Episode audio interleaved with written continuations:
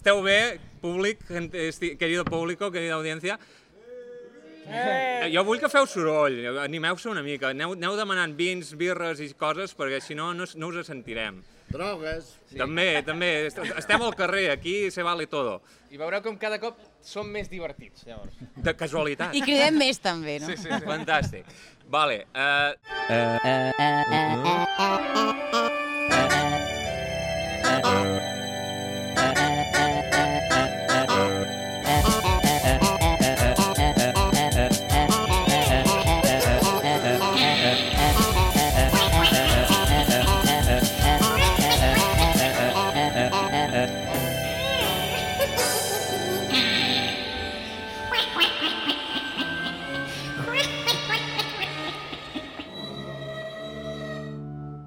Bona nit, eh, benvinguts a Tinc Podcast. Avui som eh, en un capítol, avui som, avui fem un capítol molt especial.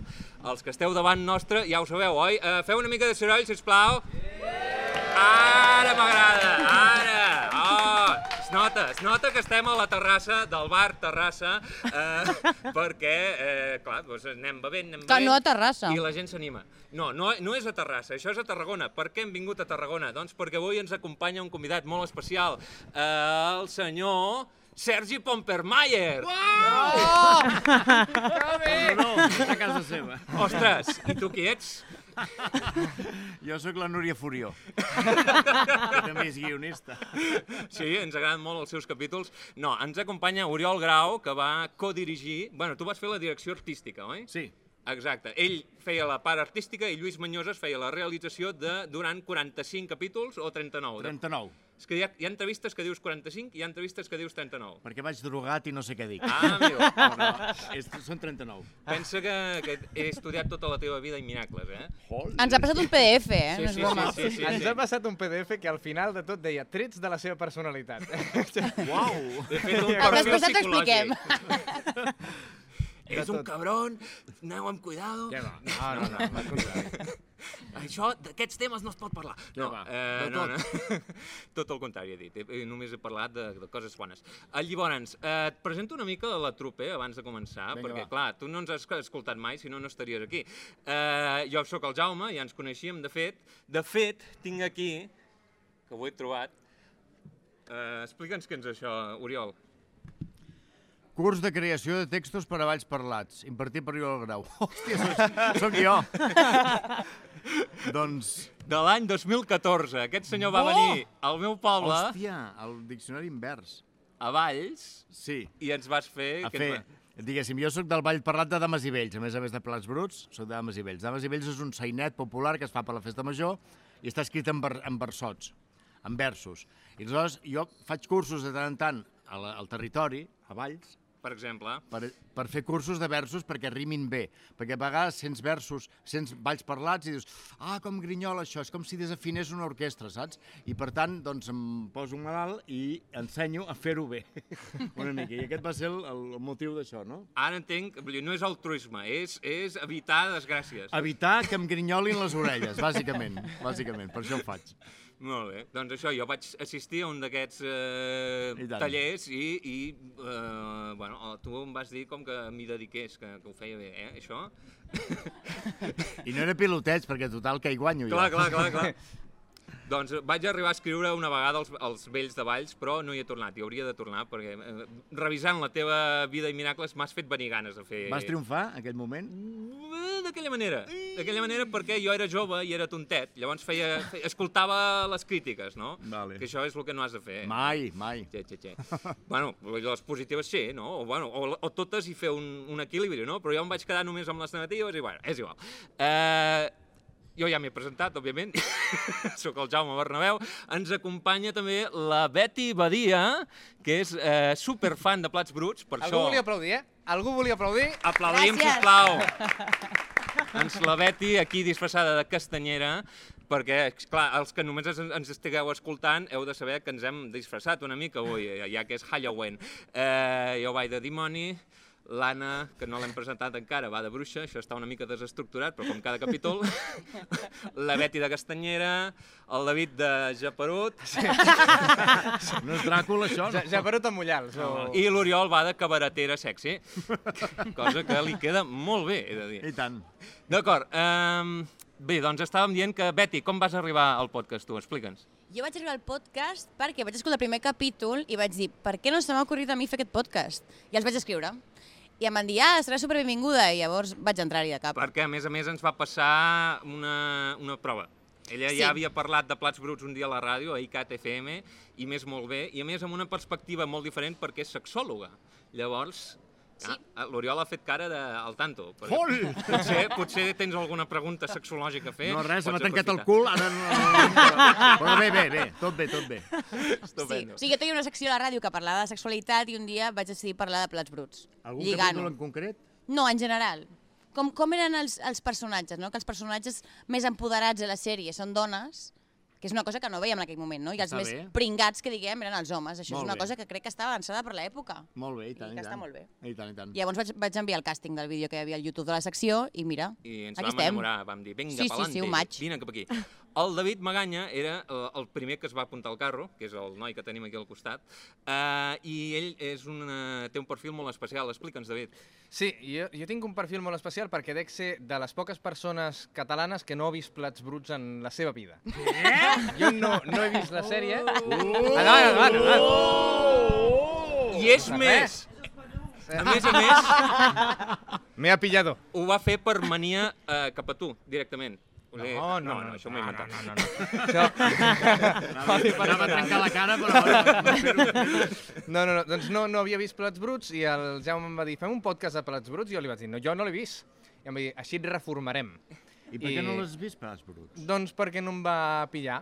No sé... Vuit estius, TV3, passant-lo cada estiu, i mai vas veure'l. Mai a la vida, mai a la... Però és que, de fet, la gent feia referències a Plats Bruts i jo no sabia que estaven fent referències a Plats Bruts fins que no venia després una explicació o alguna cosa. O després, que m'he vist algun capítol i em diuen, ah, sembla el Lloret. I jo pensava que sembla el Lloret era una frase normal, que la gent deia que era com un meme de, de la vida, però que no, no havien tret de cap sèrie. I després eh, vaig veure el, el capítol i vaig dir, bueno, he estat un ignorant tota la meva vida, anem a reformar-nos i aquí estic. Però segueix sense haver vist la majoria de plats bruts, perquè va capítol a capítol. Clar. Clar, la gràcia és que ell no sap res, és l'innocent del grup, llavors Sí. li podem preguntar com creus que acabarà això? Tots ho sabem i ell no. Ah, està Sí, bé. hem de mantenir una mica la innocència, perquè fa molta gràcia per la gent que ja ho ha vist. Hòstia, que tonto que és! Uh, vale. I a més es diu David i és actor, vull dir que també Sí, també part de la gràcia gràcia. que es digui David i sigui actor.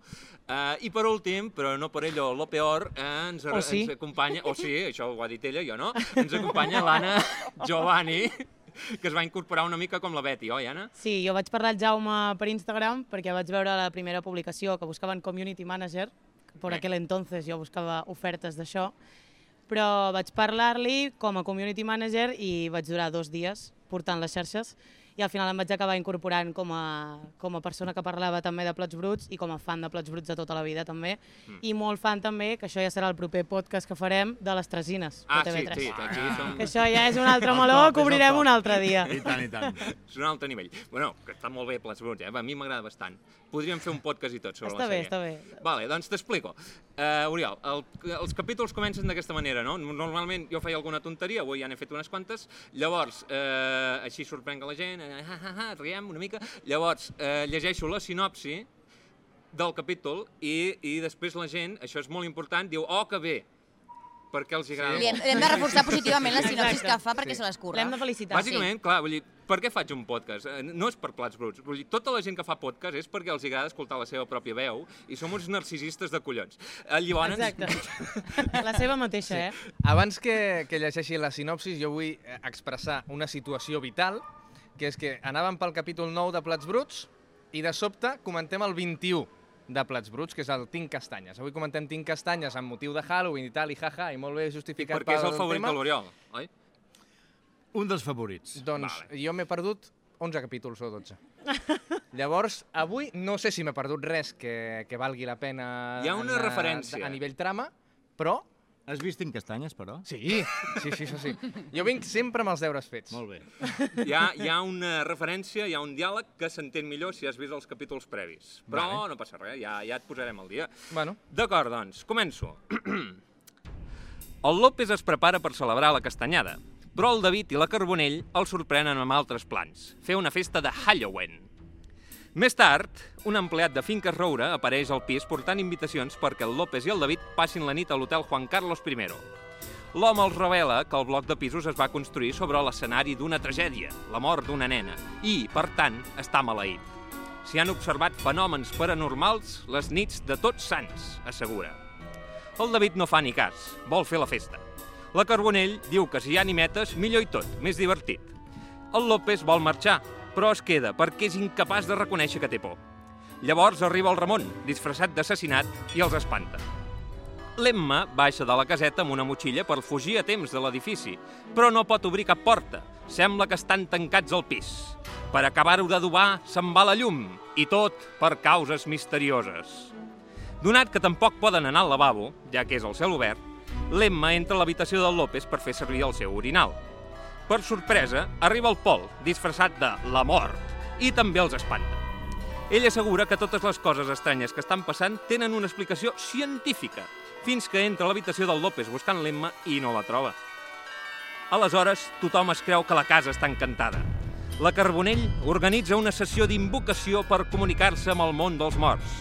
Un esperit sembla posseir el López i comunica a través seu que és la nena morta, que està jugant amb l'Emma i que no la deixarà marxar. El López queda estabornit al sofà mentre tots busquen l'ànima perduda mitjançant un aparell de la Carbonell. De sobte, una nena vestida de comunió apareix al menjador. La Carbonell ho veu clar.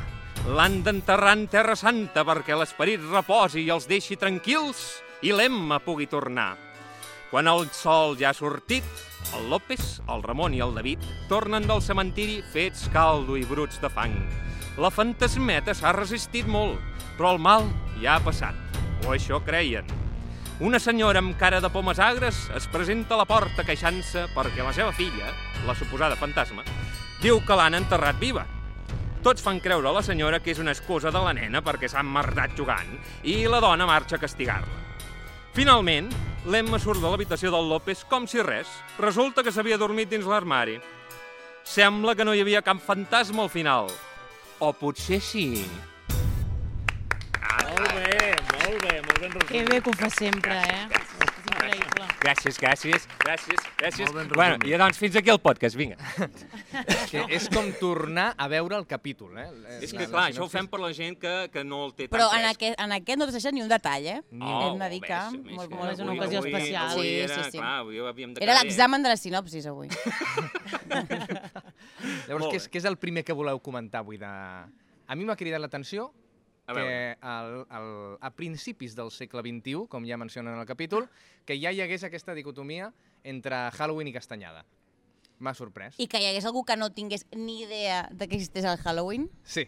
vull dir, també és sorprenent, no? Bueno, depèn dels referents que tinguis. Però el que m'ha sorprès a mi és que la Carbonell Sí. fos Team Halloween i no Team Castanyada. És proamericana. Sí, bo, ja, Clar, aquestes hem coses. de recordar Clar. que és de l'Associació Nacional del Rifle. I Charlton Heston. Charlton Heston, Charlton és proamericana, sí, sí, sí. Llavors, a mi, és que a, a- a casa meva sempre s'havia fet castanyada. Sempre, sempre, sempre castanyada. I fins que no vam començar a estudiar anglès al col·le, que va ser quan a anglès estudiava el vocabulari de Halloween i Spider, Bat, i, i aquestes coses, Ghost, Zombie. Doncs fins que no vam començar a estudiar-ho no ens vam enterar de Halloween. I després es va començar a introduir a la vegada els dolços del Mercadona, eh, mitjançant doncs, eh, xocolata embolcada que semblava carbasses i tal, i llavors va, va entrar també a casa.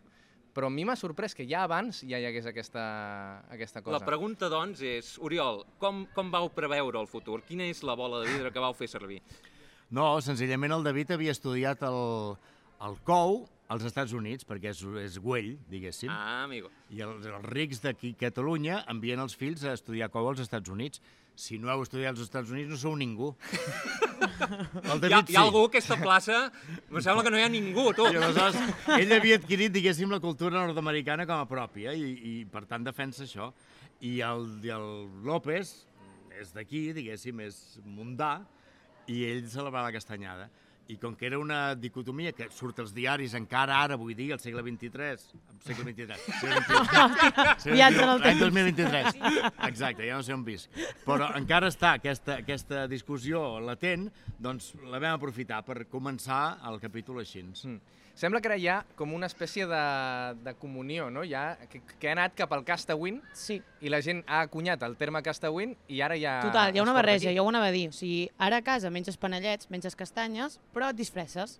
Llavors hi ha com, un, com una festa híbrida que, que hem acabat creant nosaltres aquí, com de disfressar-te, celebrar el Halloween o el Gwendolyn, com vulgueu dir-li, i la castanyada alhora. Jo trobo que és, Però és que és guai, que no? Halloween toca més amb col·legues, no? I la castanyada és més en família. Bueno, la iaia disfressada, cuidao, eh? Té el seu. Però està bé agafar el millor de cada festa, no? Exacte. De sobte, disfressar-se està bé. I que els nens truquin a la porta i demanin, doncs, uh, xutxes, està molt bé també. Cosa que la castanyada no comportava, era una cosa molt més in interior, no? Per tant, benvinguda sigui. Benvinguda Sí, sí. sigui la festa, no? Clar, de fet hi ha un moment molt bo al capítol que, que el, el David pregunta al López eh, i, i a la cosa aquesta de la castanyada, de la Catalunya aquesta que dius, què es fa? I el López diu, collons, menjar castanyes. I, i I boniato, la reacció del David és, ah, que bé, que divertit, tu!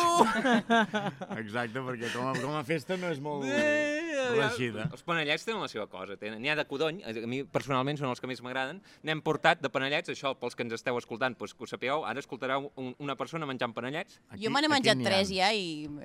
Alguns tenen forma de panellet, altres tenen formes mm, Abstractes. conceptuals. És que són casolans, conya.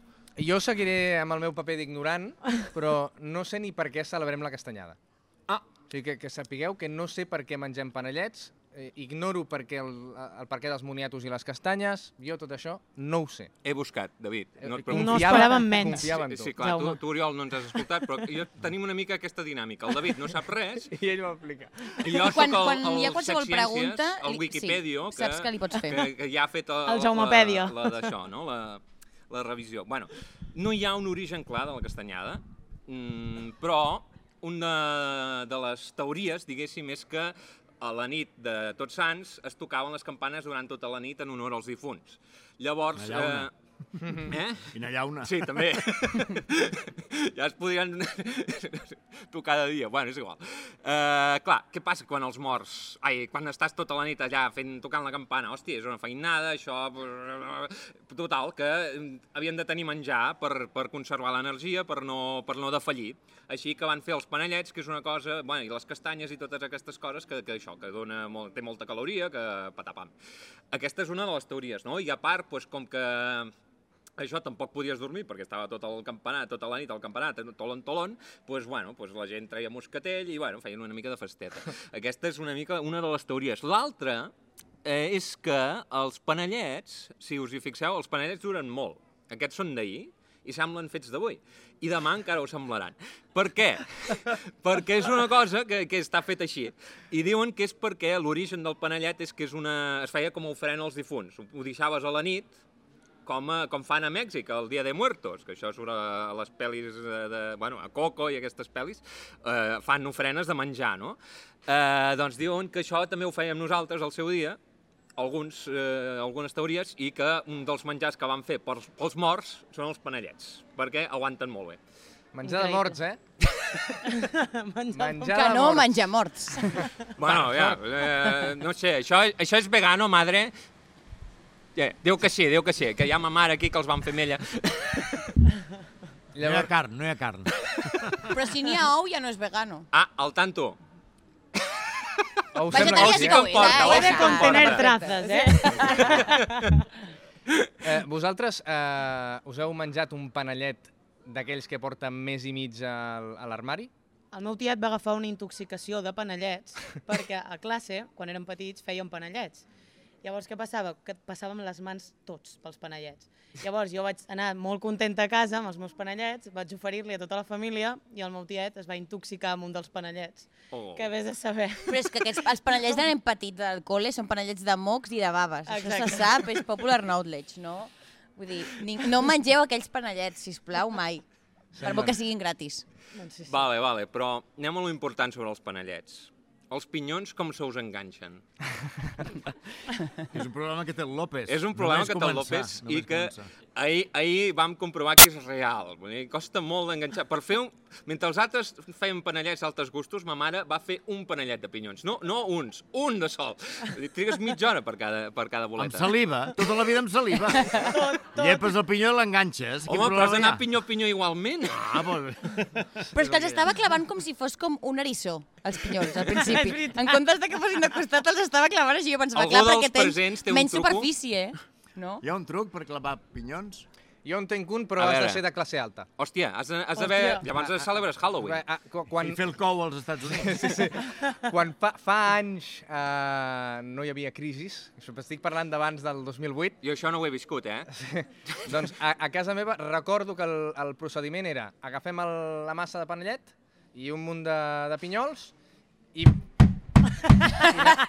anaves colpejant i tal. Llavors, És enganxar el panellet al pinyó, en comptes del Pràcticament. Llavors el que passava era que quedava el, el pinyó dintre del panellet i fora. I era com una massa... Bueno, era, era una mica... Sí, una mica... Potser no li diríem panellet, però, però estava bé. De- Era un mètode ràpid i eficaç per fer-ho. Anava per feina. Eren panellets casolans, però una mica industrials, també. Clar, El és això. de cada casa. Ara que els pinyons costen 6 euros per pinyó, potser no t'ho pots permetre tant. Exacte. Jo, crec us deixo el truc, si voleu. Un altre truc, tenint en compte el preu del pinyó, és fer-los com es fan els de, els de cirera, els de guindilla, o sigui, els de guinda, no guindilla, que és posar una sola a cada panellet, doncs un sol pinyó, pam, i ja està, no? I, acabes abans. ara a casa meva, com que ja hi ha crisi, ja ha arribat la crisi, Sí. el que fem és el panellet erissó, Ahà. que és també com els està muntant el, el López al principi, que és poses només 4 o 5 pinyols, ai, sí, pinyons cap a, cap a dalt i li fas una cara al panellet. I com que sembla un erissó, Panellet punky. just, justifiques que porti menys punxes i ja... Clar, l'Anna ha donat una solució millor encara, que és això, un, un, fes un punky que porta Exacte. cresta, i au. Una cresta. Una línia únicament, no? Que vagi així i ja està. Total. El, el tema de que, de que el, estiguessin enganxant els uh, pinyols ja cap a dalt, els pinyons, perdó, cap amunt, això va ser una cosa del Jordi, va ser una cosa de vostra, de, de guió? De guió, de guió, De ja, guió. ja Sí? naixia així, sí, sí, Ostres. sí. Ja estava escrit així i el Jordi no s'hi va esmerar, va dir, "Faré- una merda, doncs faré una merda i així la va fer. Sí, sí, sí. Tal qual. És que hi ha, hi ha molts detallets de, de la sèrie que, que, que em, fan preguntar-me fins a quin punt hi havia la improvisació dintre de, de les escenes que estaven rodant, no? I era perquè una cosa, teníem el guió, diguéssim, quan el posàvem a la pràctica hi havia coses que no es podien fer o que, o que ens sortien més bé per un altre cantó, i aleshores sí que hi havia un marge d'improvisació, d'improvisació en els assajos. Uh -huh. En Pic gravàvem, no hi havia res d'improvisació ni així, però en els assajos sí, provàvem i dèiem, doncs funciona millor això, funciona millor l'altre, i ens adaptàvem, i el guió a vegades ens el passàvem pel forro. Sí, sí, perquè era així, esclar. Jo, de fet, eh, vaig llegir un llibre que es va publicar al seu dia de guions de plats bruts, no hi són tots, n'hi ha uns quants, i vaig notar una diferència bastant gran entre el guió de Tinc por i el capítol de Tinc por, concretament al final. Uh, que això ja ho vaig explicar al seu dia. Uh, aviam, aviam si hem de fer memòria ara. Sí, però, perquè jo no me'n recordo. Aquest capítol com s'acaba, no? Doncs que uh, el López, que en principi no vol a la Carbonell a casa, uh, canvia d'opinió perquè uh, descobreix que, que ella coneix el Charlton Heston, això que comentàvem fa un moment. Uh, llavors uh, li pregunta a la Carbonell, i com és el Charlton Heston? I ella, que explica que l'ha banyat, diu, és un running gag, diu, un cigronet repetint un, un gag que s'ha fet abans sobre tites petites, que n'hi ha uns quants a plats bruts. Uh, Micropenis, micropenis. el dic. llavors, això al guió no hi era. Això al guió... O Segurament va sortir Plató. va sortir Plató, no? Doncs, doncs és un final molt més rodó i molt més maco, que, que em va sorprendre molt que no estés a guió, ja. Per sort, els... hi havia quatre guionistes, més el, el Jordi i el David, que era el, el Jordi i el Joel, que eren també guionistes, eh? és a dir, que en total eren sis. Però estaven molt d'acord en que en el plató adaptéssim el guió a les circumstàncies i mai es van queixar de res absolutament. Ai, d'ells. Saps? Sí, sí, sí. Molt Perquè adaptables. rodàveu en públic, no? Rodàvem amb 50 persones de públic, sí, en directe. I alguna vegada havíeu dit "Eh, hem de canviar aquest acudit perquè no funciona? No, el, di el dijous, que era el dia de gravació, eh, era tal com havíem assajat. Si canviàvem, era o dilluns o dimarts o dimecres, que eren els dies de provar i d'assajar, amb càmeres o sense càmeres i tal. Però el dijous ja era mm, paraula de Déu, per entendre'ns. Uh -huh. Clar, i si a- algú s'equivocava, no es tornava a gravar? Sí. Llavors, Stop! Clar, llavors la, els riures que hi ha de fondo eren ja I artificials. aleshores era el meu paper. Sortia jo al públic i deia, sisplau, torneu a riure com abans. I la gent, i la gent molt a favor, diguéssim, de l'assumpte, tornaven a riure exactament igual fins que ho repetíem amb la mateixa seqüència tres o quatre vegades i ja no reien tant. I llavors sortia jo i deia, vinga, estimulant, estimulant, a riure igual. I la pobra gent reien igual, com havia de ser. Però, però sí, clar, cada vegada anava perdent més el riure, sí, sí. Però els riures, tots els que surten, són reals. No hi ha res pregravat. Pa- Parlant d'això, en un, una conferència que vau fer pel 20 aniversari de la sèrie, que estaves tu amb la Mònica Glenza, la Mercè Sàrries i, i el Pomper Mayer, allà als Sí. Serializados. Sí. Eh, doncs eh, parleu d'aquest capítol, precisament, i comenteu que la seqüència inicial, just després de la intro, que són com uns 8 minuts, que la vau fer tota de cop i que, per tant, va ser motiu de, de gran eh, regoig i, i, i celebració quan va sortir bé a la primera. És veritat, això? Segurament, no recordo exactament el detall, però sé que quan una seqüència la, era bona la primera, era festa major. Perquè no havíem de repetir, el públic havia funcionat i nosaltres estàvem frescos i tal, i per tant, bona, bona, de veritat, uau, uau, uau! I aleshores ja l'eufòria continuava durant tot el capítol, no? Però sí, malauradament no, hi havia moments en què per, per un detall, bàsicament eren problemes tècnics. A vegades havia entrat un micro en, en, a la imatge, o millor alguna, algun càmera no havia estat a temps d'agafar aquell, aquella expressió així i havien de repetir per la qüestió tècnica. Els actors no, perquè eren professionals, meravellosos tots, ja ho sabeu, i totes, i per tant, amb ells no hi havia cap problema, bàsicament. Bàsicament. A vegades hi havia alguna befa. Una befa és quan algú s'entrepussa la llengua. Saps allò que dius, una befa? Top, tornem-hi, estic fet una befa. Sí, sóc conscient i tal, tornàvem a fer-ho. Però en tot cas el públic sempre estava a favor, cosa que és d'agrair. Sí que els donàvem una copeta de cava abans, no? Home, això fa, eh? Això fa. I això també fa. Però vaja, estaven a favor, sí, sí. Per seguir comentant el, el capítol, el, jo us volia preguntar si vosaltres sou persones sugestionables. Perquè al final el que passa, sobretot a, al principi, és que entra el de les finques i els hi posa la por al cos i a partir d'aquí comencen a veure coses on, on no les hi ha. Que després ja veurem que potser sí. Però vosaltres us sugestioneu fàcilment? En temes de fantasmes i presències i tal, molt. Jo sí, jo hi crec. Jo hi crec ui. molt. Però perquè la meva família també ho ha, ho ha cregut sempre. Llavors, sí que hem viscut coses i punts, o sigui, moments en els que hem notat que sí que existeixen presències o sí que pot passar alguna cosa. Jo- Però una cosa perdó. que deia sempre la meva àvia és que, que o sigui, hem de tindre por dels vius, no dels morts. Que això ho diu la Carbonell, també. Exacte. Doncs, Llavors, eh, són coses que poden passar, però que no t'han de deixar, o sigui, no has de tindre por, sinó que passen i ja està. No... jo el que us anava a preguntar era, que, que tu, Anna, ja ens has respost, era si teníeu alguna carbonella a casa, perquè a casa meva, mitja família ho fa, això, saps? Estàs dinant, no sé què, tan tranquil, i de sobte diuen... "Ah! Ho has notat? I, i, I algú que també té aquesta sensibilitat diu, sí, sí, hi ha algú que hi és. Doncs diuen que són els germans petits de les cases els que tenen més sensibilitat a aquestes coses. Ah, mira, a casa meva es Ojo. confirma. La- la- L'Helena, Sí? pobreta, és la que ha vist més coses rares. Està gravant-nos ara. Us planyo, us planyo. Jo no crec ni en la catòlica, que és l'única i verdadera, imagina't si he de creure en l'altra. No crec en res.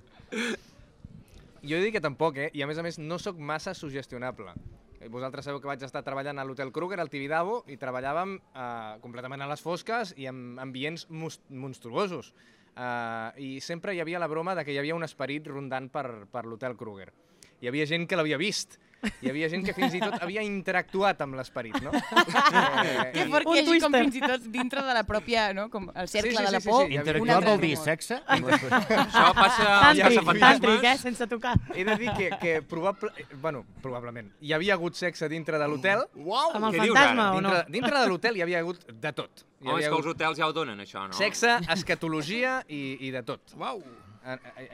Bueno, és que entrem en un altre tema. Però l'im- sempre. l'important aquí és, jo, sense ser creient de res, és veritat que passava per l'escena de psicosis que és una escena que no té actors i l'ambient passava una mica més, eh? Quan passaves per allà, passava ràpid. I això en- ens passava gairebé tots els actors. San, san, san, san. A mi em passa, però em passa perquè sóc una cagada i, de fet, aquest capítol a mi em tenia traumada de petita. O sigui, em feia, ara? us ho juro, em feia moltíssima por. Molta. O sigui, com la nena allà, uah, sustos, no. I, de fet, les vegades que he revisionat la sèrie pensava uf, quin pal arribar a aquest capítol perquè jo ja el tinc una relació estranya amb el capítol perquè de petita em feia por, em feia molta por. Ara ja no. Avui me l'he vist estupendament. Les nenes, com, "Ui, val a dir que eren les nenes. superat. Hi havia dues Hi nenes. havia dues? I tant, Sí. surten dues nenes. Sí, sí, La del sí. final, la no? Que, Una, que és la viva, Sí. i l'altra, la del final, que sembla Ah, que sigui sí, sí, sí, sí. a- en, en postproducció, i no, no. Era una nena amb un foco al, des de la cuina, enfocant-la, i la nena amb patins i un tècnic estirant-la Uau! estirant-la amb els patins. És a dir, que no és postproducció, ho sembla, eh, quan el veus al capítol, i era real, era fet perquè el públic d'allà realment veies de sobte una nena il·luminada que passés per allà. Que fort. Molt, per això hi havia Doncs dos està molt nenes. ben aconseguit, Sí, sí, eh? jo Jo, pensava que era sí, postproducció sí, sí, 100%, sí. eh? No, Jo- no, no, no, no és postproducció, és autèntic. Jo ho recordava com postproducció perquè la recordava com semitransparent, aquesta fantasmilla, però revisant el capítol vaig tenir el dubte de, hòstia, no, No, no. com ho van fer això? Si el veieu, és un foco des de la cuina, la nena superil·luminada, i amb patins allà quieta. Ho vam provar diverses vegades perquè la nena perdia inestabilitat. Llavors, al final sí, sí ens va sortir.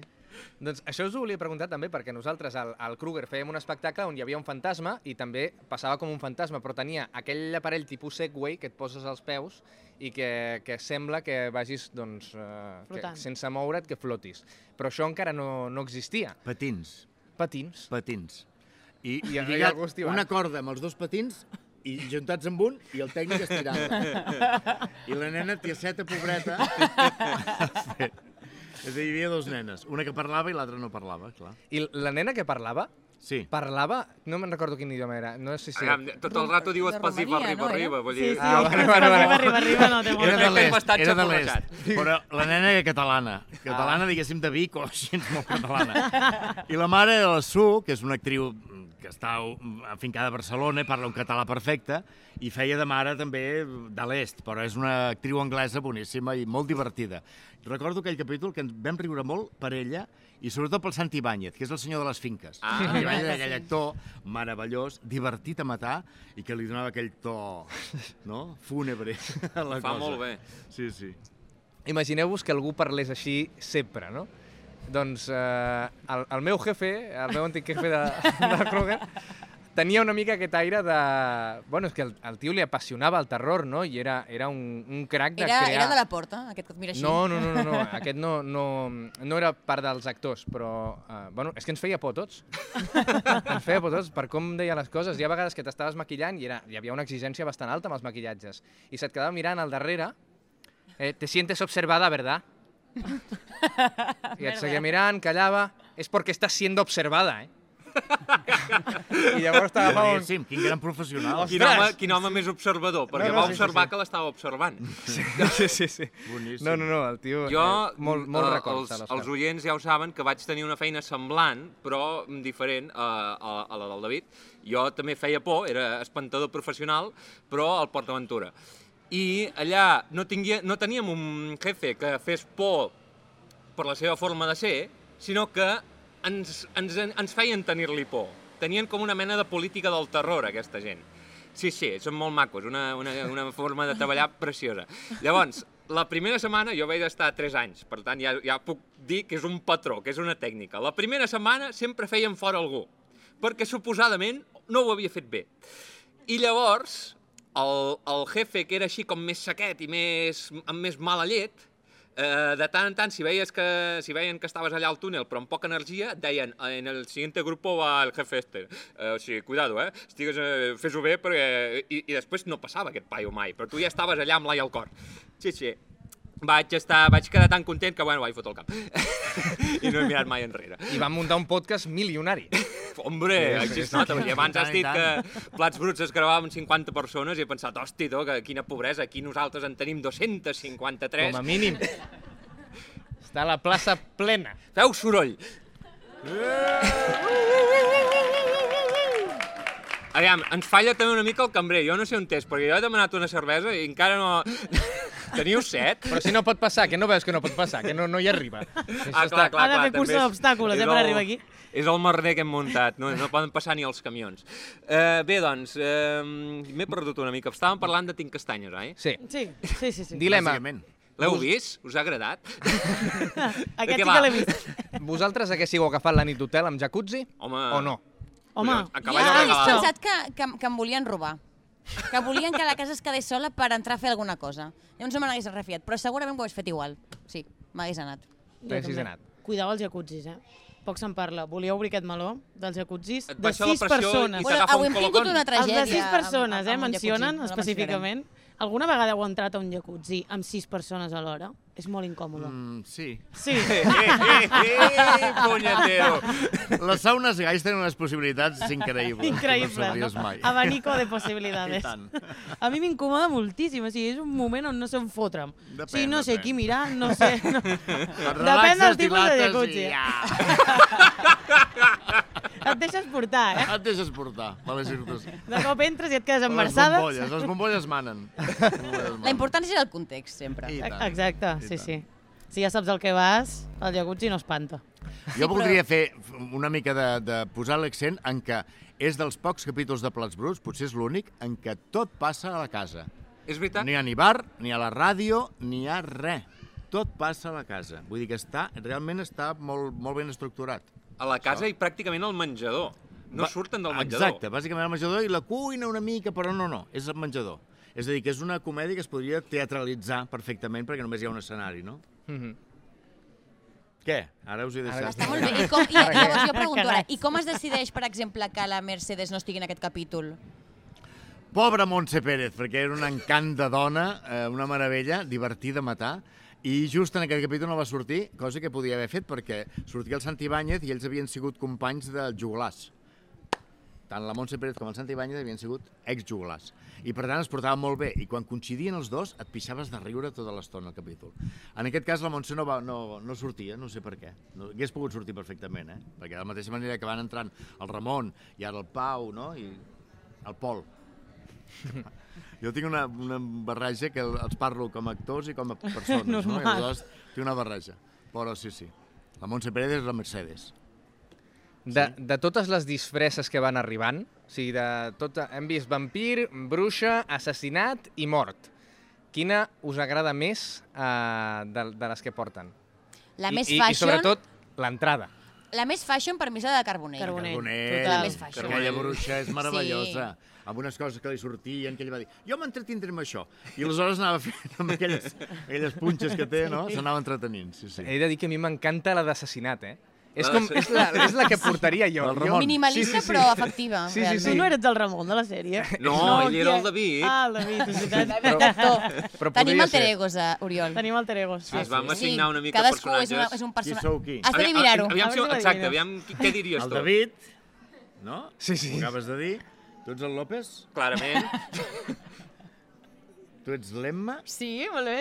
i tu ets de Carbonell. Totalment. Hosti. Uau! Sí, bueno, I mira que anem disfressats avui, que no és la nostra essència. però Real. ja he, diguéssim, ja he notat el Les tarannà. vibracions. El tarannà, Les no? vibres, sí, les vibres. Estupend, estupend. Pues sí, sí, és la, la disfressa que portaria jo és la d'assassinat, em sembla meravellosa. I el, el Lluís Villanueva protagonitza un dels moments més divertits per mi de... Perquè és una tonterieta, que és quan posen les mans tots i diu... "Ah, Posem les mans tots junts. I diu, ui, totes juntes. Doncs aquest moment em sembla fantàstic. Per mi el millor és quan parlen del poni que li regalen a la, a la Mariona Casa... Ca, casa de Vella? Casa... Casabella. Com? Casabella. A la Mariona que comença a dir si tenia taques marrons, taques negres, taques blanques, i el David diu, ui, quantes taques, no? Com per donar-li intriga i por a l'escena, però Sí. que realment és un tema que no té res a veure. O sigui, Però és una aportació molt de mi- David, eh, realment. Sí, sí, total. És, és essència David, totalment. És gairebé com la seva catchphrase, la seva frase típica, el dir quanta mm, perquè el primer capítol ja té quan està dient l'Emma, sí, tinc una caseta de fusta i baixo per una escaleta de fusta i ell, "Qu- hòstia, quanta fusta. Quin és el teu moment preferit, Betty? D'aquest d'aquest capítol? D'aquest capítol. Mira, el meu moment prefe és quan el López es posseeix I, o sigui, per, ja per la gràcia que em fa imaginar-me com ha estat això gravat. No, en, plan, i, en si, el, el set em sembla superdivertit, com a, a la posada en escena em fa molta gràcia. De cop és el pianista de Mecano, saps? O sigui, Sí, sí, no, no, clar, i, i de, mentre el David va, va com cridant les coses que va dient, que sembla que fins i tot s'estigui com improvisant, no? Eh, I... Però, ui. Sabeu qui movia la taula? Eh? Qui, movia la taula? qui movia la Qui? taula? El Tu. senyor dels patins. El Joel. Sí o no? Ah. Perquè era el que tenia les cames més llargues i li era més fàcil. Llavors, Joel, tu mous la taula. I ja està, i va quedar així. Doncs he de dir que fa bé de taula, eh, el Joel? Sí, sí, la sí, taula sí, sí. és un dels millors personatges del capítol. El Parlant Pol de li ha, de taules... demanar, li ha de demanar perdó a la taula. Sí, és que el, el moment mm, demana-li perdó a la taula, jo no parlo amb una taula, a mi m'ha fet pensar en una llegenda real. Bueno, llegenda, no és tan llegenda, potser, potser fins i tot hi ha algú per aquí que, que ho ha vist. No tan lluny d'aquí, a Nulles, es diu La taula de Nulles. que hi havia una taula No, que... no, jo l'he vista. Tu l'has vista? He posat les mans damunt i la taula va pujar amb un sofà sense fer res. La mare que em va parir. Jo ho he fet, A veure, a veure, però, però perquè posem-nos en tinc una context. amiga que la seva cosina és la nena que movia la taula quan era petita. Hòstia. I em va portar a casa seva i van treure la taula que la tenien a les golfes i la van tornar a treure, no la treuen mai. I jo vaig posar amb uns amics, vam posar les mans sobre la taula i la taula es bellugava sola. Jo no crec ni en Déu ni en sa puta mà. Bé, eh, perdó. No, no, sí, això No, que no crec, és per tots els públics. no ja, ja creient. ma neboda, però té 5 mesos, no Però jo aquella taula, sense gairebé tocar-la, he vist com pujava amb una butaca. Que fort. La taula de Nulles. I, i, però Fins diu, aquí. diu la llegenda que també responia preguntes a aquesta taula, que això Eh. ho devia fer amb un sistema tipus el que tenen amb el fantasma, de dos cops vol dir sí, un dir no, i en fa tres. Però, a Que no veure, sap comptar. Però per la gent de Barcelona, eh? Jo és la primera vegada que escolto a parlar d'aquesta taula. La taula de Nulles, bueno, ja t'ho hem explicat una mica. Uns nens mm, Però- van posar una taula que tenien a les golfes, una taula vella, van posar les mans damunt i aquella taula es movia sola. I van, va acabar atraient a molta gent al poble de Nulles, que és un poble I anaven petit. a veure la taula. Van Sí. fer el teatre gràcies a la... No, la piscina gràcies a la taula. Del que van recaptar... Sí, perquè feien pagar entrada. Aleshores, pel que van recaptar de la taula, van pagar la piscina municipal del poble. S'ho juro, no m'ho no us- no invento, eh? És veritat. I la gent de Nulles ho pot dir. Uh -huh. Era una taula que era molt característica perquè no estava feta de claus, no hi havia res de ferro, era tot fustes encaixades. I aleshores pesava molt, era molt lleugera, jo l'he agafat i era super lleugera. I aleshores, no ho sé, hauria tenir alguna cosa elèctrica, jo li dono una explicació científica, no? Com És el pol. com el pol. I suposo que es bellugava per això, suposo. Carai. Bueno, quin mal cos, no, ara? Sí, i a més, Com per- em com sap greu. creiem que no sugestionable tot. ni res. I en no? veritat no fa res impressionant la taula, vull dir, fa menys que un gos. Però, però com que és una taula, fa... Home, pujava i baixava escales, eh? Hi havia la nena, la cosina de la meva amiga, que, que era una nena, i ella sola posava les mans i la taula pujava un, doncs, 30 escales i les tornava a baixar. La taula sola, vull dir que... es Pues garrifa. ara he de dir que jo sí pagaria una mica per... Jo també. contribuiria a la piscina. Venien autocars a Nulles, directes, autocars de Barcelona i de Madrid a veure la taula. Per aquí han comentat que la piscina estava molt bé. Sí, Doncs- sí, la piscina va pagar la taula, sí, sí. Bueno, si ens escolta algú de l'Ajuntament de Nulles, ja sabeu, si voleu ara, no sé, fer un, un camp de futbol, eh, pues el David pagaria entrada. Torneu a treure-la. I no, I no deu ser l'únic. Baixeu-la. Molaria fins i tot gravar un capítol del podcast Damunt a la taula. taula. I tant. I tots els micros... Em que no la treuen. La mateixa família va, estar, va acabar farta i va dir prou, aquesta taula de les golfes ja no és... Ah, només era d'una família, aquesta Sí, taula. sí, és d'una família. I la tenen allà a les golfes i no la toquen. La van treure perquè nosaltres érem els de la tele i aleshores la van treure, però si no, no la toquen. No. Llavors, entenc que la taula només funciona si poses les mans. sí. No és que estigui la taula a les golfes fent... Ah, ah, ah. No, no, no. No balla, no balla això. Ah! Necessita factor humà. ah Liberadme! No, no, no és això, no? De moment no. Perfecte, ja em deixes més tranquil. Ara se m'ha acudit un experiment una mica grimós. Imagina't, tallar la mà d'algú, fotre-la damunt la taula, veiem què passa. Clar, necessita una mà viva o amb una mà Una ànima, ja necessita. tira? Una, una ànima, diu En la... això no m'ofereixo Com m'he tornat molt voluntari. tètrica, No no? t'ofereixes voluntari, jope. Sí Tio, que pagaria més mans. per veure-ho.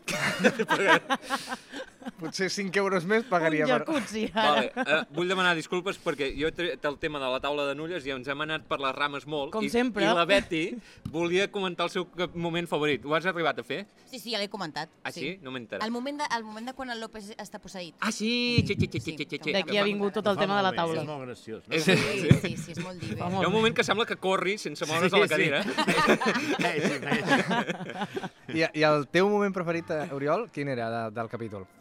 A mi, el moment al final que li diuen Péguela a la niña. Péguela, dele, Jo dele. m'ho he apuntat. Perquè Dele, ho dele. trobo tan cruel.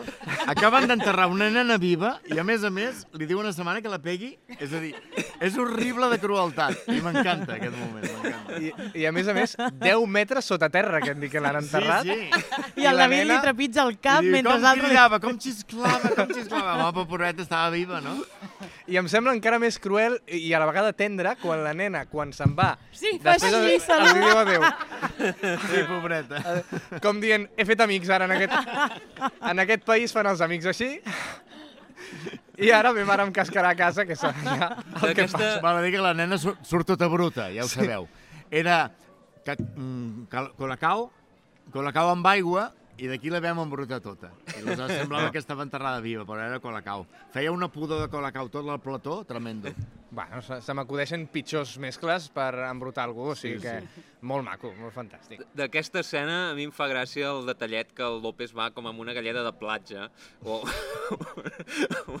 no, ho heu, no us heu fixat ningú? No. Doncs pues ve de fer un forat de 10 metres amb una galleda de platja, el López. A mi el, el que sí m'agrada és quan arrenquen el pany i diuen Sí. que el pany està, està mal, malament, està trencat, i segueixen amb el pany tota l'estona. I el van portant d'una banda a l'altra de la casa i, i em sembla que és el, el Joel que el, el porta tota l'estona, com si l'anés a protegir d'alguna cosa, i me l'imagino. A vegades això era un problema, als assajos, de i què fèiem això? Guarda-ho. Té, tingueu, tingueu, no ho deixis, perquè jo què sé, i, i, improvisàvem realment amb aquests detalls que no estaven escrits a guió, naturalment, i aleshores es- aquell pany agafa un protagonisme que no tenia sí. de guió, no? Doncs a mi em crida... Jo m'imaginava que tornés a sortir algú i li fotia amb el pany. Sí, jo, de veritat que, que era el que, el que tenia pensat que passés. Vosaltres fent una ouija li demanaríeu el número de la loto al fantasma? Jo 100% sí. Clar, ja posats. No Tot. amb el plan, realment. Ja posats, Sí. total. Però no entenc per què eh, ho hauria de saber. I, Perquè ell li el- pregunta, no Sí, sé si sí, és el sí. Pol que li pregunta Però a la dic, Carbonell. el fantasma "Saben hauria el de futur?" saber realment el, futur? I per Que què es no? pot moure en diferents No sé. línies temporals, Sí? potser. Està en una altra dimensió, aquí, allà, jo, jo, Ja. jo, jo, jo, jo, jo, jo què sé. A la pròxima Ouija ho provo, a veure si Has cola. fet ouijas? Moltes. Has fet moltes ouijas? És que la meva família... O sigui, hi ha com Els el rotllo de fer, no? fer ouija. Paella i ouija. Els el familiars parxís, es fa no, no, millor la Ouija. Tothom és molt escèptic, però ja per la risa ja fem la ouija, no? O sigui, de fet, jo tinc la ouija del meu avi, que jugava molt a casa del meu avi. Llavors, bueno, de borràs, de fet, la ouija. Sí, Sí, sí. És que em Ouija crida l'atenció que digueu jugàvem a la Ouija. És que la Ouija és, És que és un joc. Joder. La, la dir que Ouija, és- que sembla una cosa antiga i misteriosa, eh, va començar a vendre-la eh, MB o Parker Brothers o una, una eh, companyia d'aquestes de jocs de taula. No... I posa literal la descripció, o sigui, la meva això, que és de, és de borràs, i posa eh, el juego de la Ouija, el juego que te ayudará a conectar con el... O sigui, bueno, sí. La cara És- de l'Oriol. No, no, per descomptat. I tant. Oui ja ve de oui, de sí en francès, i ja que sí en alemany. Ho sabíeu? Mm, no. Oui, ja. Si és una, sí, sí. Sí, sí, emperatriz. Pensem- sí, sí, emperatriz, sí, sí. Sí, sí. Oui, ja. Per estendre la roba. Un altre dels, dels meus moments preferits de, del capítol Mm. és quan assumeixen coses dels fantasmes i diuen, home, els, els fantasmes sempre van a per les verges. I tots, home, sí, sí, això ho sap tothom. I després el Ramon, que estava allà, i diu, ah, sí? Ah, sí? Ah, no, sí, sí, clar, sí, sí, sí, sempre per les verges, sí, sí. Pues aquest moment també... És que el Ramon em fa molta gràcia a mi. El Ramon és dels Ens personatges... Sents identificat, no? Sí, jo crec que sí, sí, sí. sí, és sí, el sí. de menys cervell, diguéssim, Sí, sí, però bé, sí. bé. Cap Re problema. cap problema. realment, és que... bueno, sí, sí, diria que sí. El Villanueva el bordava. Sí. Villanueva, Sí, que és un actor intel·ligentíssim, no té res a veure amb el Ramon, però bordava aquell paper. Només la manera com cau, quan entra i cau i es desmaia, té dos o tres caigudes, és que genial caient. Genial caient el Ramon. És un crac. I, I i, i, i tot el, el que no, que és broma i tot això, és que ho fa amb, amb molta veritat. O sigui, Sí, te'l creus. Sí, Sí. sí, sí. te'l sí. creus, te'l creus. I tant. Escolta, Oriol, i tu? Sí, el teu alter ego, quin seria? De, del, del De, capítol. de l'elenco de la sèrie, en general. Jo sempre Quin em vaig trobar identificat amb el Pol, El racional. perquè és racional, és intel·ligent i és gai i, la, i guapo, i aleshores pensava... jo sóc aquest. jo sóc aquest. Hem, hem de dir una cosa, en un altre capítol eh, vam fer un rànquing de aviam quin és el personatge més follable de la sèrie Eh. i va guanyar el Pol. Hotness. El Pol, De el més follable, eh? i tant, i tant, Sí. i tant, i tant. Jo crec que el vam triar per follable. Sí, no? Aviam si queia. És hetero, diguéssim, el Pau, però sí, sí. Com un us imagineu persona. uh, que entra la Mònica a l'armari per dormir? Sonàmbula. Perquè- Jo Ah. també sonàmbula m'ho he imaginat. Ah, o sigui una, que- una vaga de dormida ja com que entra. No? Eh, Jo tenia una altra història al cap. A A veure. veure. Com que se sentia més protegida a l'armari. De la por. Ah, Sí, com que ha entrat ah, en por ah. i s'ha tancat a l'armari i allà ha trobat com... L'ha acollit, l'armari l'ha acollit i allà s'ha quedat. Potser l'armari del López porta a Nàrnia. Això ho hem de pensar, també. Perquè la, el, quan surt el Pol diu que ha mirat a tot arreu. Sí, però ho ha mirat d'aquella manera. Sí, és veritat que s'hi està, s'hi està poca estona. I el tema cunyes, què? Tema Alguna cunyes. experiència amb orinals? Ah, mira! No, no, no, no ho, Perquè no, jo no ho sí. explica. Què dius ara? Hòstia. Home, al poble, una casa antiga de 5 pisos on només hi ha un lavabo i està al primer pis, ja et dic jo que al desembre orinar és la millor solució. I era de l'avi, també. bueno, no ho sé. Espero que no, la veritat. I els buideu immediatament, perquè el López diu vigila, Emma, que està ple. I dius, mm, seràs un porc? que fa estona que t'has llevat i encara està ple. Hauria de dir que sí, però és que no. O sigui, a vegades es passa, perquè òbviament no el tens al costat del llit, llavors t'aixeques pel matí, vas a fer les teves coses, tal, tornes a pujar i dius ui, Quina olor. quina olor més rara, com ha tancat. I res, això. Llavors veig que tots són molt higiènics, no? Molt bé. És que per mi és un objecte que va desaparèixer quan vaig fer, no sé, un any i mig. Vull dir, com que, bueno, no sé quina edat tenia, eh, però que després, o sigui, entre aquella edat i el López mai havia tornat a pensar en que existia l'objecte orinal en si. És com que no, no Doncs és forma part del meu funcional. pla real. Prova-ho. Però, sí, sí, sí, et crec, et crec. Apologia dels orinals. Jo us volia dir, a part de que és la primera aparició de l'orinal del López, no és l'última, acaba sent gairebé un personatge més. Eh, sí, David, prepara't. Com la taula, no? és com la taula, també, la taula, ja ja et dic, dels personatges més guais del capítol. Eh, què us volia dir? Ara no me'n recordo, també parleu. Eh, parleu d'altres. Com ens ha tirat la, la pilota, eh? sobte? Jo tinc una pregunta per l'Oriol. Ah, sí, mira, parlant Ah, de doncs pilota, jo de no la, la nena volia parlar. Ja que estàs t'has posat una mica a buscar la lògica interna, que això crec que veient plats bruts no s'hauria de fer, eh, la lògica interna de que aquella nena que en realitat està viva estigui a les tantes a la nit, vestida de primera comunió, amb una pilota a casa dels veïns, algú té alguna teoria? És una llicència artística. Sí, sí, vull dir, és que no... Digue-li així, digue-li així. Potser és que portava molta estona allà. Molta estona Com que allà. la porta està oberta Ja, ja, i ja. al, i al final va, va entrant tothom, i la meva teoria és que portar molta, molta, molta estona a la casa en zones que no veiem. A l'habitació del David. A l'habitació del David, per exemple, i d'allà Ah. surt. Fantàstic. És que jo, clar, només he vist 10 capítols de Plats Bruts. Llavors encara tinc la tendència de buscar-li una lògica a les coses. No, no, David, Doncs deixa-ho no. córrer. No, T'estalviaràs no cal, feina. No cal. Funciona igualment la història, sense, sense saber d'on ve surt la nena, i, i amb una pilota del segle XIX, diguéssim. Sí, no? sí. Pilota que ha vist millors dies. Però compres, compres el, el guió, i tant. I Oriol, com va ser el procés de selecció del repartiment de la sèrie? O sigui, en què, què, què vau buscar, en què us vau basar? De la sèrie en si o de, Sí. del capítol aquest? No, de la sèrie en si. De la sèrie en si, eh, veníem d'una obra de teatre que havien fet els Crampac, que era la companyia del Joel i el Jordi. I en aquella obra ja sortia el, el Villanueva, sortia la Emma, sortia la, la, la Mònica l'Enzel. Això és una gossada, estan aquí... Ah, una gossada de gossos, no de que estigui gossant. No, no, no, de gos, de gos, de gos. Dic, hosti, ara no És a sé dir què, que- què, què li heu fet. Hi ha part del repertori que ja venia de, de fàbrica, diguéssim, de venia d'aquesta obra de teatre, no? Uh, la, Carbo- la, la Barbany era perquè el Joel i el Jordi l'havien conegut a Madrid i nosaltres el coneixíem com a Terrat, també.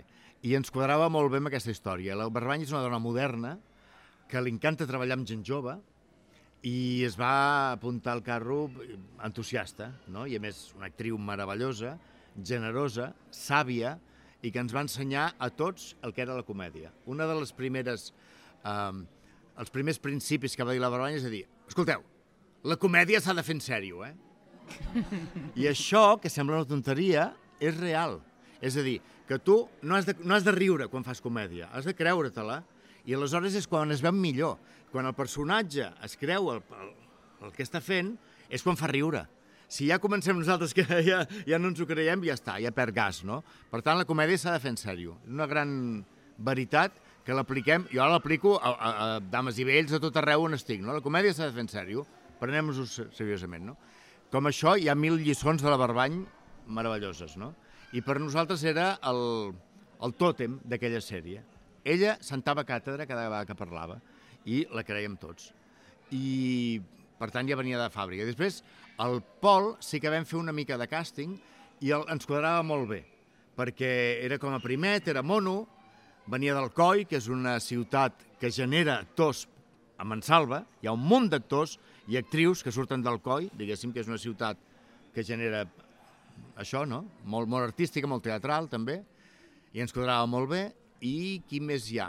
La Mercedes era la Montse Pérez, que era amiga del, del Pep. Hi havia un cap de càsting a TV3, que és el Pep... Ah, no, Armengol? El Pep Armengol, molt bé. I el Pep Armengol em va dir, la Montse Pérez, que és molt còmica i tal. Jo la- l'havia conegut perquè jo havia fet un càsting pel juglars, que no em van agafar, i havia fet el càsting amb ella. I em queia superbé, i vaig dir, hòstia, sí, la Montse. I realment va ser un encert, perquè la Montse Pérez, que ja no hi ha estan nosaltres, era un, una de les dones més divertides que he conegut en la vida però divertida de que anaves amb ella pel carrer i et pixaves de riure perquè es posava amb aquest amb l'altre, deia comentaris, parlava amb la gent i tal, i deies, quina dona, que és, és un festival, no? I, i quadrava molt bé amb la sèrie. A més, té aquest punt que pot ser dura en un moment donat, no? Ella ve de castellano parlants i, per tant, ja tenia un accent característic i tal. I qui més hi ha de la sèrie? Em sembla que ja està, no? Sí, els personatges He repassat, principals. els principals són aquests. Sí, sí. Va ser així. Va ser una mica anar provant i tal, però, diguéssim, el Pep Armengol era el que proporcionava la gent i donava les, les, les alternatives. No? Per exemple, el Santi Báñez, que surt al primer capítol, Santi Báñez és el del senyor de les finques, el que els hi fa por. Santi Báñez també venia del juglars, no? I també íntim amic de la Montse Pérez i també un home divertidíssim a matar, que també és mort, malauradament, no? Però el Santi va, va quadrar perfectament en l'ambient. I el Santi, quan, quan estaven en un ambient de gravació així, era la festa. Era el que desdramatitzava les situacions xungues, el que posava humor i tal, i era un gust treballar amb ell. Per això és un capítol que el tinc amb molt bon record, perquè el Santi era un amor de persona, no? I et, et feia les coses agradables, la vida agradable. O sigui, li tens un molt bon record per tota l'experiència que va ser també... eh, Sí, sí, per tot l'equip i per tota l'experiència, i em faltava la, la Montse, diguéssim, la, la Mercedes, i hagués triat un equip amb ella, no? Un, un capítol amb ella, però en aquest cas no hi era, però en tot cas el seu esperit hi era, És no? que tot això ha sigut una mica ràpid. A mi em van passar el contacte... Bueno, vaig, vaig presentar-me a l'Oriol i vaig dir, mira, fem això. Bueno, me'l van presentar un, un, un, el Javi, que està per aquí. Ei! I eh, què, què, va, què va passar? Bueno, doncs eh, et vaig trucar i et vaig explicar el que fèiem i et vaig dir "Mm, què vols, que comentem algun capítol o et fem així una mica entrevista? Vas dir, no, no, comentem capítol, dic, doncs si en tens algun que t'agradi bastant, vas dir, tinc castanyes, i s'apropava la data de la castanyada, així que ens hem afanyat per estar avui aquí. Quadrat perfectament. Eh, i, I ho hem celebrat, però clar, ara potser et trobes amb, amb això, no? Hòstia, potser ho hagués triat, però bueno, no, ha per, estat per bé. mi, Tinc Castanya és un dels millors capítols. Digue, a, a nivell dramatúrgic, eh? està molt ben estructurat, passa en una sola escena, per tant és molt teatral, i està molt bé. És de l'Albert Plans, que és un dels quatre guionistes que hi havia, i per mi és un dels millors capítols. Realment és, és molt divertit. Eh. Ho és, quina per difi- la crueltat que té, també. L'humor negre ens agrada. Sí, sí, sí. Quina dificultat et vas trobar a l'hora de, de rodar aquest capítol? De Tinc Castanyes? Doncs potser diria que la, la dificultat més gran va ser fer rodar la nena amb els patins, que és l'última escena que dura pocs segons, però que tècnicament era una mica dificultós perquè la nena perdia l'equilibri i aleshores dèiem, no, tu has d'estar tiesa perquè els esperits no, no es belluguen. I ella pobreta, ja ho intento, ja. Perquè també vau haver fet càsting per la nena, no? Sí, ens van portar dos nenes i aleshores ens van dir una sap parlar i l'altra no, només és figurant de no parlar. I és l'esperit, diguéssim. Però la nena que sabia parlar, que era molt bufona, a més, super predisposada, amb un accent català que deies és que has de semblar mm, de l'est. I deia, ah, vale, vale, però no hi havia manera.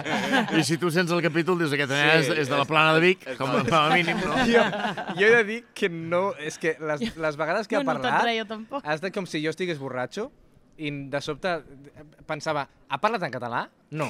Semblava, perquè l'accent No. és català, en canvi diu Clar. coses... Sí, però jo sí que ho he pensat, jo he pensat, no aquesta nena és catalana. Sí, Eh, sí, ho era, sí, ho era. se'l hi veus. Ho era, ho era. Així com sa mare no, que és anglesa, la Su, fora, i semblava també txecoslovaca, ho vés a saber, no? Diu que es, vienen de Eslovàquia. Han enterrado a mi niña. Es vilava, es vilava. Molt divertida, també. Una actriu meravellosa, la Su. I tant. Bueno, doncs moltes gràcies. Sí, no sé. Jo- jo- jo ja- Algú vol jo- comentar alguna cosa més? Va, alguna pregunta a aquest públic inquiet? Això, això, el moment de feedback, oi, oh, i, oh, preguntes. Alguna curiositat, va. Dispareu, dispareu, aprofiteu que teniu aquí l'Oriol predisposat. Ah, aquí, vinga, vingui cap aquí, vingui, vingui cap aquí. Oh, oh, passa'm el micro. Sí. Ja és veritat, no arriba. Sí que arriba, diu que sí que arriba el micro. La, la safata uh, li passarà el micro, senyor. Bona tarda, vespre. I, Bueno, la pregunta és, com es duien entre ells? És a dir, quina relació hi havia entre el López i el David i amb la Mònica? Pregunta Com es Salseo. portaven entre ells? Salseo, eh? Salseo merengón? Els gossos et donen la resposta. Batalla de perres! No, no. Sincerament. Bueno, aquests gossos els estan, els estan esquarterant. En fi, Hi hagi pau! en aquella època en què ells formaven la companyia Crampac, hi havia molt bona comprensió. A veure, el Joel, ho sabem tots ja, que, és molt impulsiu i té un caràcter especial. L'hem vist en vídeos, amb coses, amb una barca, anar fent el ruc. L'hem vist. Meduses de pel mig. I en canvi, el Jordi és un home tranquil, apaivagat i tal. I donava una certa calma en aquella parella explosiva que eren, no? Però després hi havia la, la Mònica. La Mònica Lenzel, la Emma, era la nòvia del Joel Joel en aquell moment. Eren parella.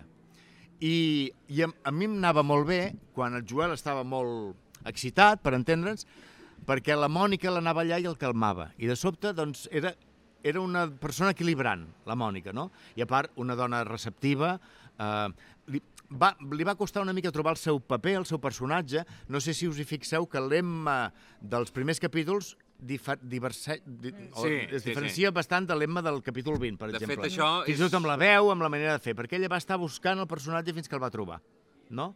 Primer li va donar una veu, no li, no li agradava, després va anar provant i tal, i, i és un personatge que té una evolució. Però, en tot cas, a dins del plató, com a actors, ella era la que equilibrava aquella relació, a vegades, que podia ser molt vital, no?, del Joel. Joel en aquell mo- moment estava efervescent, no? Sortia de periodistes, estava a dalt de tot i estava molt, molt eufòric. Van estar junts Ell és durant... eufòric de mena, ja. Van estar junts durant tota la sèrie? Sí, sí, sí, sí, sí. Van tallar quan ja s'havia acabat Pelats Millor per vosaltres, no? I tant. Si no, quin per mi t'asseguro que sí. Per a vegades amb el Joel no podies, jo el sol no podia, no? Aleshores deia, Mònica, ajuda'm, tranquil. I anava allà i fuit, i pagava la bèstia, no? Sí, sí. Alguna pregunta més? Vinga, xafardeig, un altre, un altre. Dali, dali. Aquest senyor que encara no ha parlat.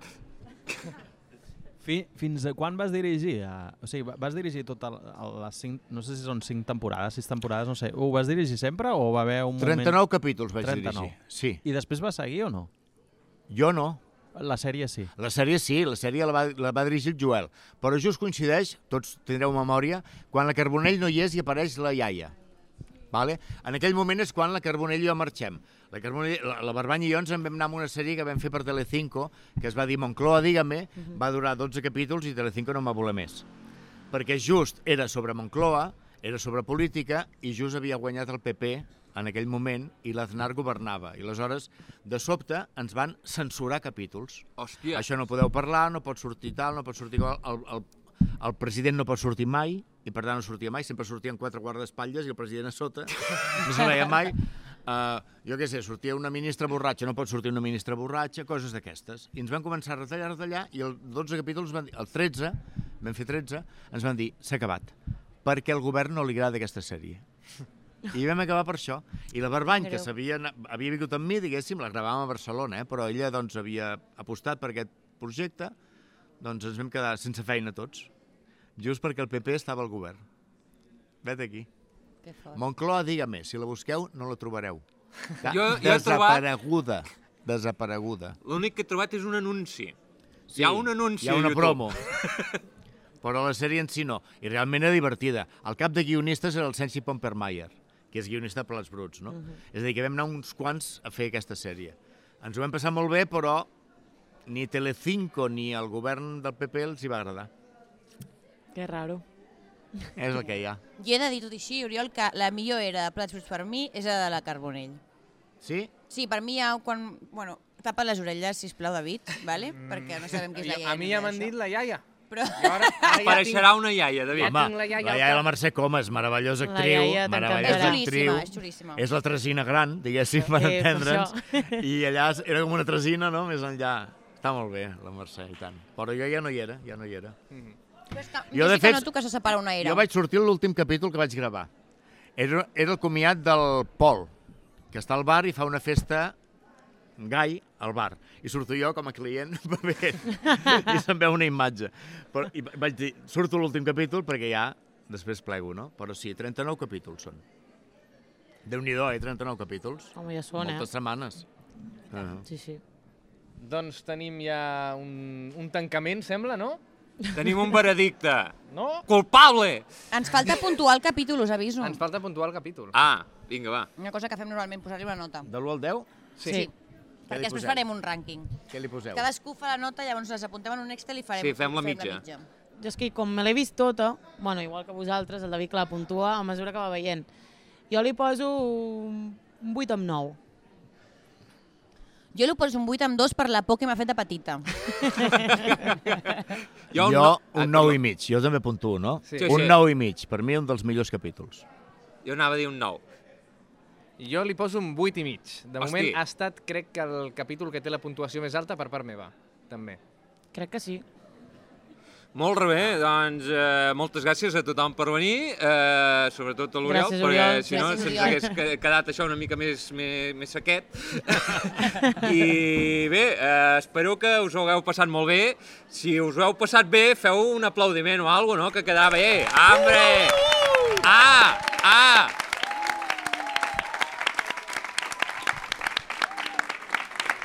I que no se'ns oblidi, que no se'ns oblidi, si us plau, que se m'havia oblidat a mi, que sóc el que ha, ha, ha muntat tot aquest tinglado, eh, nosaltres cada capítol l'acabem amb una frase, la podem dir tots alhora, us sabeu la frase? Havia, algú havia escoltat el podcast abans? No. Digue-li a l'Oriol, Li a l'orella. Jo us la dic i ara fem un, dos, tres i la diem tots alhora, d'acord? D'acord, sí o no? Vale. La frase és Humanos, yo os maldigo. Vale? Vinga. Una, dues, tres. ¡Humanos! ¡Yo os maldigo!